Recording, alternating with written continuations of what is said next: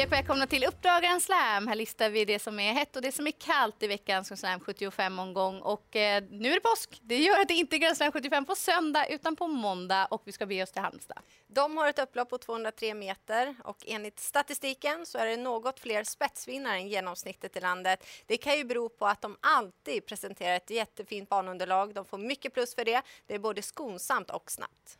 Förutsättningarna är nu serverade och vi går vidare till veckans heta.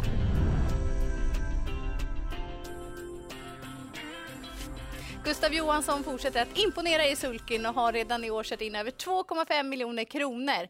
Hans bästa chans på måndag tycker jag kommer i den andra avdelningen och det är nummer fem Icebreaker Sisu som får pluspoäng för sin årsdebut senast då han avslutade bra som trea i mål. Han är startsnabb, han har tagit två segrar från ledningen men visade ju som sagt senast att han också går väldigt bra bakifrån så det är min första häst i den andra avdelningen.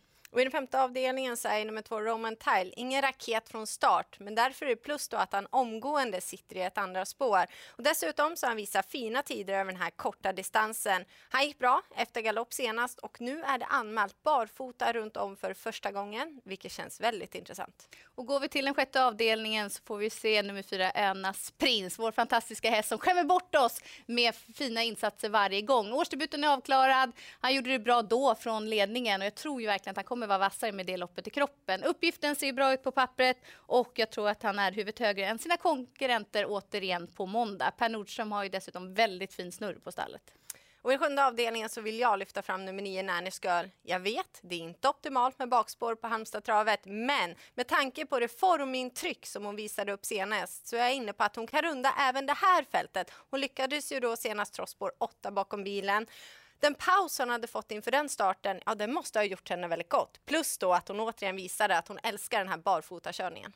Och den sista heta hittar vi hos veckans profil som denna vecka är stall Johan Untersteiner. Här kommer pappa Peter som uttalar sig om stallets sju hästar.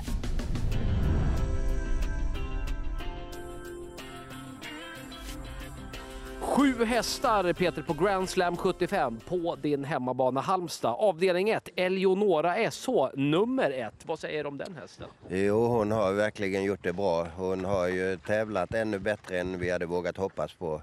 Och det visar sig vara en riktig tävlingshäst. Så eh, väldigt fint resultat och hon känns fortfarande fin. Är spår 1 bra för henne tror du? Perfekt. Ja, eh, Hur mycket tror du på henne?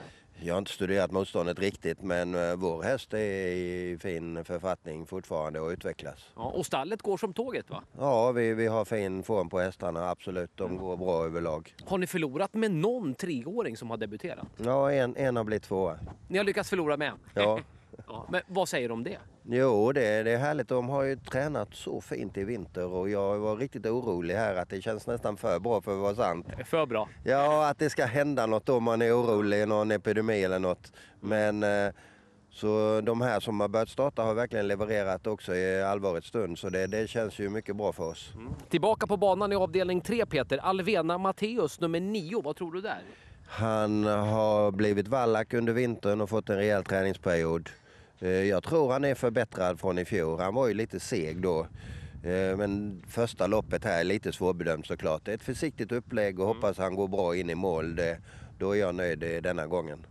Mycket bra. Avdelning 4, Nio Ultimate Brodde då. Vad säger du om den? Han eh, gick helt okej okay på Kalmar, höll ihop travet, klart godkänt. Och kör ett smyglopp och, och tar många till slut förhoppningsvis för eh, han är helt okej okay för klassen. Mm. Hur spända är ni i avdelning 4 på 11 Global Dabay? Eh, visar i fjol att det är lite plushäst och eh, tränat fint hela vintern så han har en eh, spännande säsong framför sig.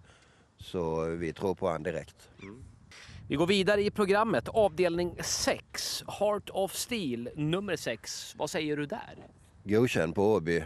Uh, fick uh, stryk av en bra häst. Strula i starten va? Ja, det blev trångt i starten där. Mm. Så vi kunde inte riktigt utnyttja en startsnabbhet. Vi möter väldigt bra hästar här. Så det blev väldigt tufft snabblopp. Mm. Uh, men en god placering tycker jag är realistiskt. Och ni avrundar i avdelning 7 med en duo. Global Creation nummer 3 och Ridley's Dream nummer 5. Vad kan du hälsa här? Creation strålande senast efter lite halsproblem. Eh, håller hon den stilen vilket ser ut i träningen så absolut hon är mycket tidig i detta loppet. Ridley Stream klart godkänd i comebacken Och eh, också ett fint sto. Men lite plus för creation. Har ni någon toppchans tycker du? Eh, låter väl inte riktigt så. Den som har kanske bäst förutsättningar är väl Eleonora SO då på det fina läget. Vi tackar för den informationen och vi är överens med Peter om vilken häst vi tycker är bästa chansen. Ja, men nummer ett, Eleonora SO i den första avdelningen. Hon har läget, är startsam. Hon kommer ju också från seger. De värsta konkurrenterna saknar ju faktiskt lopp i kroppen, så det är plus för henne där. Dessutom så är det aviserat barfota bak. Det skulle i sådana fall vara för första gången. Vi hoppas att det blir så. brukar vara en plusvariant. Verkligen. Det var våra heta omgången. Nu vidare till veckans kalla.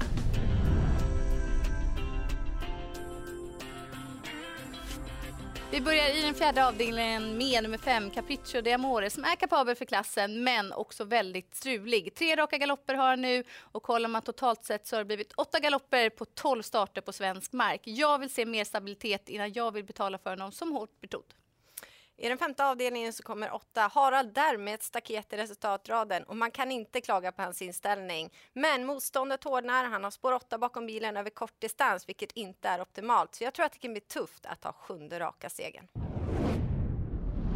Rundar vi av programmet och vad tycker du är viktigast Jennifer att lyfta? Ja, att man kanske ska hitta spetsvinnare, men inte i den avslutande avdelningen för där lyfter jag fram nummer nio, Nanny Sköl. Vi såg hon rejäl ut över upploppet senast. Det gjorde hon verkligen. Och hur kul är det inte att vi får se Önas prins i den sjätte avdelningen på Grand Slam 75-spelet. Han har nu ett genrep i sig, ska ha ett till, sen är det Copenhagen Cup och eventuellt ett Elitlopp. Det är ju kittlande. Ja, men han måste ju bevisa då för Anders Malmroth att han förtjänar den där rosa biljetten. Sen hoppas vi igen då att det blir bra utdelning på Grand Slam 75. Förra söndagen så blev det över 200 000. Och nu är det inte söndag som gäller utan det är måndag vi ska hålla koll på. Annandag påsk, start 15.00. Lycka till!